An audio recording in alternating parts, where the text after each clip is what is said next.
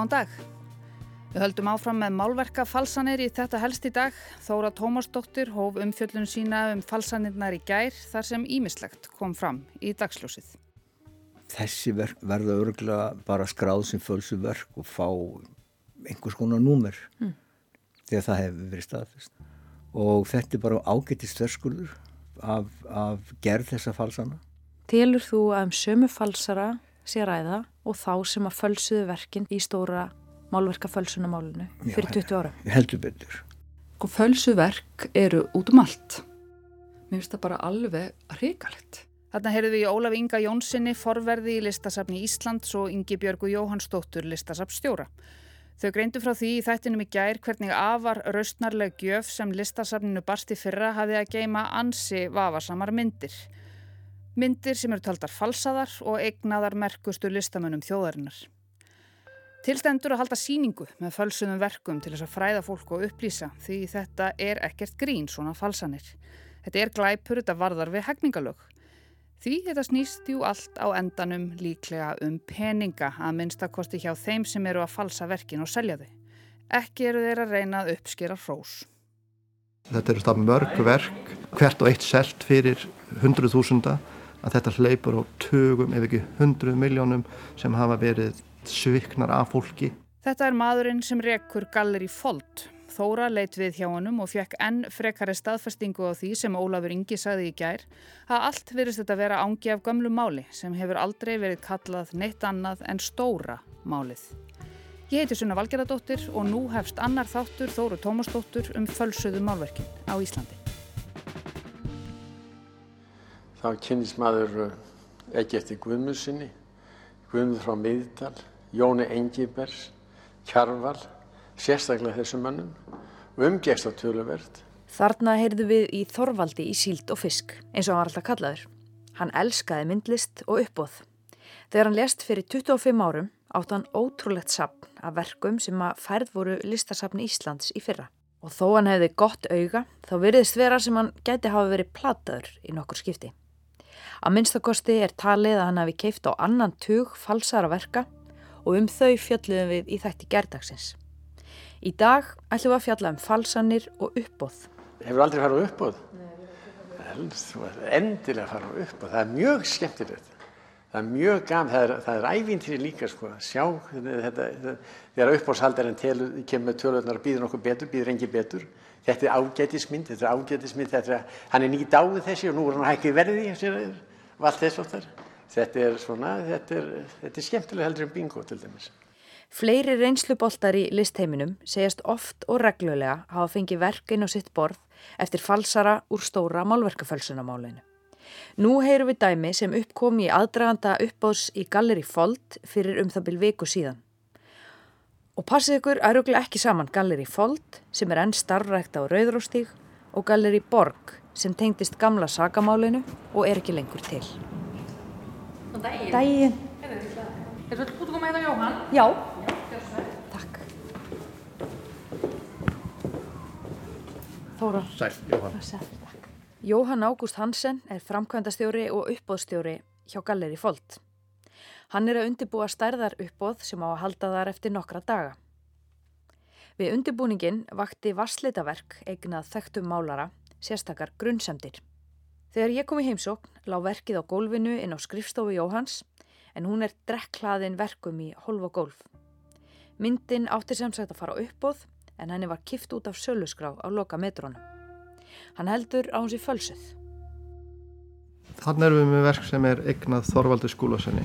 Þetta er verk sem var komið með til okkar til að setja í sölu eins og, eins og fjölmörg önnur og þetta er að koma úr búi manns sem er verið að gera upp ættingar hans eru, eru að gera upp búið kom sjá hérna verk sem hefur verið á heimili þeirra í áratvíi og vilja selja það við tökum við því og byrjum það er bara skrásett og þetta er Þorvaldur Skúlason þetta er verk sem, sem búið að vera heimilinu lengi þannig að við skráum þetta bara inn og síðan fer það hérna upp í, upp í hillu Þetta er innramað vasslitaverk kannski meter sinnum 60 cm af einhvers konar bryggju eða höfn Það eru þarna árabátar og hús og mikið af bláum og gulum tónum.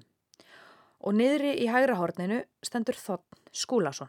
Svo röðu við verkum inn á uppbúð. Verkefni Þorvald Skúlason á heima á svona stóru uppbúði eins og við erum búin að vera undirbúið og ætlum að halda henn eftir helgi. Og þá fer alls konar skráningavinn í gang og, og eftirlit og hluta því er að fá óháðan aðla sem við höfum verið í samstæðu með til þess að koma og skoða verkin og í þeirri vinnu þá vakna upp grunnsendir um að þetta verk sé ekki það sem það er sagt vera. Viðkomandi sérfræðingur bendir á atriði sem við erum sammálum og þurfum þá að ræða við eigundunar sem í þessu tilfellu tóku hlutunum mjög vel og voru ekkert eh, voru auðvitað undrandi eins og gengur að gerist en ekkert svona stundum bregst fólk ítla við að vera reitt. Ef að þetta verk eftir Þorvald Skúlason sem er núna hér á gólunni hjá þér og hefur verið tekið úr umferð, ef það hefur verið selt hér og uppbóði, hvað væri raunhæft svona að vermiðin á verkinu væri? Sko þetta er ekkert selja stór varslitamind eftir hann hefði kannski selst á 5-600 þúsund. Það var Ólafur Ingi Jónsson, forverður sem skoðaði verkin fyrir stóra uppbóð Jóhans og félaga í Galleri Folt fyrir skömmu. Það sem að samfæri mig um það að það sé eh, sumu falsættir einfallega með hvaða hætti eh, þau eru undir það er með nákvæmlega sama hættu og efnum sem eins og finnast í falsunumólun. Ólafur taldi verkið alls ekki vera eftir Þorvald Skúlason, líkt og sagt var. Heldur svikið verk úr smiðju falsarana úr stóra málverkafölsunamálinu. Við höfum allatíð lagt mikið trúnað í það vinnu sem Ólafur hefur verið að gera og stuttan í þeirri vinnu. Þannig að ég trúi því að þetta sé að koma úr sömu átt, sérstaklega vegna þess að við höfum fundið skráningar á uppbóðum þar sem að þetta tiltekna verk hefur verið selt hjá þessum aðlum. Þetta verk var selt hjá Galleri Borg 1994. Atbyrðarásinn sem fór í gang hjá gallerínu vegna hins meinta Þorvaldar Skúlasonar verks er alls ekki að gerast í fyrsta sinn. Jóhann segist margóft hafa lendt í sömu stöðu. Í vetur hafið tvö verk rataðin og borð til hans með sveipuðum hætti. Verk sem átt að vera eftir listakonuna Kristínu Jónsdóttur en talin voru fölsuð. Og eins og við sögðum frá í síðasta þætti þá er margt sem fyrir hringi í þessari líilegu sögu af Galleri Borg og Málverkafölsunum. Galleri Borg seldi fleiri verk sem eignuð voru Þorvaldi skúlasinni. Rivjum aðeins upp frétt frá árunnu 2010. Komiði sæl, nú hefjast fréttir laugardaginn 14. ágúst. Málverki mertu Þorvaldi skúlasinni hefur tvívegis verið skilað aftur til Galleris Borgar vegna grunnsum að það sé falsað. Seljandin vísar ásökunum um falsað verk á bög og hyggst fara með málið fyrir domstóla. Fyrir kaupandin sem ekki vill láta nafnsins getið festi kaupaverkinu í mæ. Hann fann óljulitalikt af 30 ára gömlu verkinu og leitaði skýringa hjá seljandanum Pétri Þór Gunnarsinni eigenda Gallerís Borgar. Pétur Þór var viðriðin málverka fullsunamál á nýjunda áratögnum og hefur hlotið dóm fyrir. Pétur Þór rataði sem sagt aftur í umræðuna fyrir að selja verk sem talin voru fölsuð.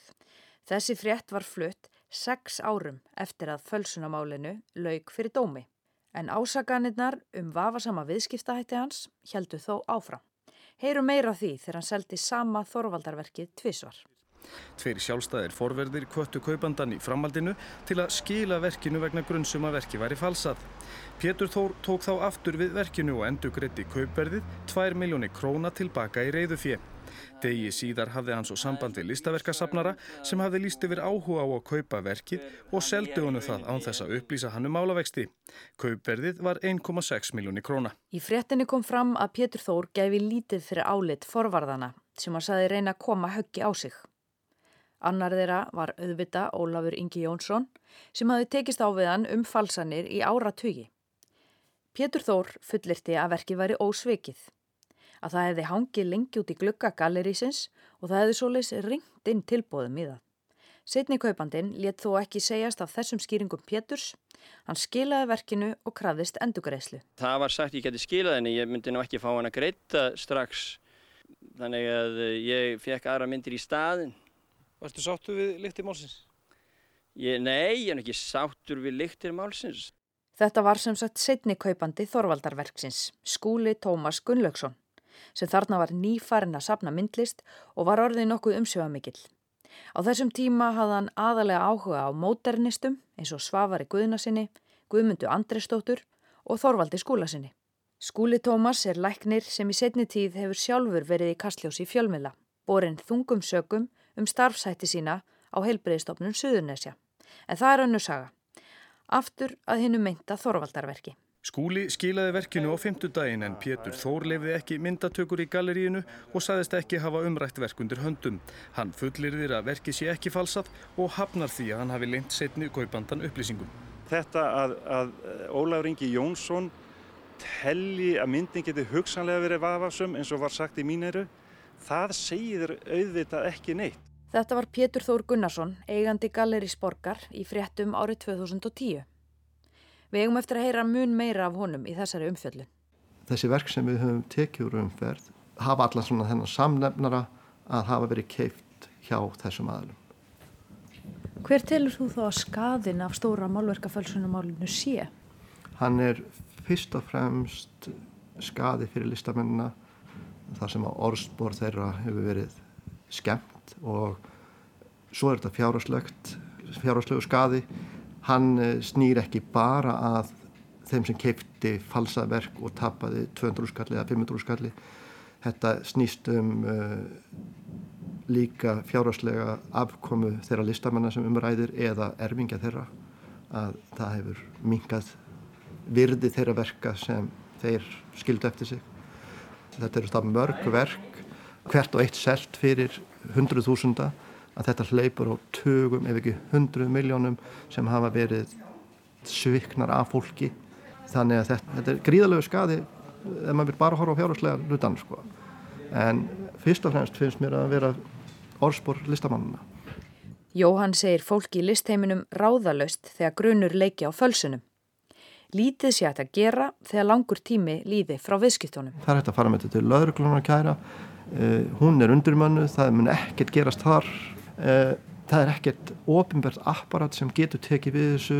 Þannig að í sjálfum sér býst ég ekki við að komi neitt út úr þessu nema það verkið verið kannski rannsakað aðeins af, af eh, þeim aðlum hérna sem er að hugsa um þessu mál. Síðan fyrir verkið bara aftur til eigandans sem verður að taka ákvörðum hvort hann vilji farga því eða, eða hengja það aftur upp á vekk Jóhann er ekki að viðra þessar áhyggjur í fyrsta sinn og hann er heldur ekki svo fyrsti sem gerir það. Svona voru fréttir fyrir nýju árum. Hljóðið í þáverandi formanni sambands íslenskra myndlistamanna var bara mjög svipað haustið 2014. Fölsuðu málverkin úr stóra málverka fölsunamálunu svo kalla eru hugsanlega komin aftur á markað. Þetta segir formaður sambands íslenskra myndlistarmanna. Í stað þess að fargaðum á sínum tíma hafi þeim verið skilað aftur til leiðenda sinna. Lögreglan í Kaupmannahöfn rannsakar nú tvö málverk eignuðu Svavari Guðna sinni listmálara en þau átt að bjóða upp í fyrradag. Þau eru talinn fölsuð. Ímislegt bendir til tengsla þessara verka við stóra málverkafölsunarmálið þegar þetta var tekið fyrir hérna fyrir nokkrum árum að þá var held ég 30 verk sem að, sem að voru fölsuð og staðan fyrir að farga þeim eða jafnvel merka myndirnar þá var það ekki leifilegt heldur fengu held ég eigandunni bara myndirnar aftur og kannski þetta bara koma aftur út á markaði sem er mjög slæmt. Þetta var Jóna Hlýf Halldórsdóttir í fréttum fyrir nýju árum síðan. Úrræðin vegna falsara málverka voru þá eins og nú lítil sem engin. Þetta er akkurat vandamálið. Þegar að fölsunar, stóra fölsunamálið innan gæsalappa, það voru yfir hundra verk spara sem voru í málskjölun. Þeim verkum að ég best veit það bara skila aftur til eiganda sinna. Þessir eigendur stungu verkanum undir rúm, settu þinn í geimslu, falla frá. Eða minga við sig. Ættingar fara að taka til í geimslunum, finna hérna verk eftir hinn og þessa og koma með þau í sölu aftur. Þannig að svona faraðu þau í ring vegna þess að það hefur aldrei verið og ekki komið snein samstaða um aðgerðir gegn þessu. Þetta saði Jóhann Ágúst Hansen, uppbóðstjóri í Galleri Folt á dögunum. Engin vafi leikur á því að sakbortningar í stóra málverkafölsunamálinu fölsuðu sjálfur eða letu falsa þær myndir sem ákjartir fyrir. Þetta sagði Jón Hábjörn Snorarsson, saksóknari ríkislauglustjóra meðal annars fyrir dómi þegar hann kallaði eftir refsingu Pétur Stórs Gunnarssonar og Jónasar Freital. Meira um það á morgun. Þetta var þáttur nummer tvö í sériu Þóru Tómasdóttur um málverkafalsanir á Íslandi í fortíðinni, nútíðinni og mjög líklega framtíðinni.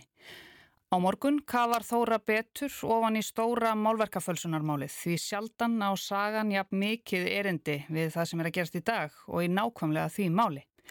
Við heyrum meðal annars í manninum sem hún vittnaði í hér áðan, Jóni Hábjörn Snorasinni sem stjórnaði rannsók málsins á sínum tíma og bladamanni sem lendi heldur betur í vesenni fyrir að flytja fréttir á málinu. Ég heiti Sunna Valgerðardóttir og þakk ykkur fyrir að hlusta á helstið í dag. Þátturinn og allir aðrir þættir eru alltaf til taks í spilararúf þegar ykkur hendar. Við heyrumst svo aftur á morgun.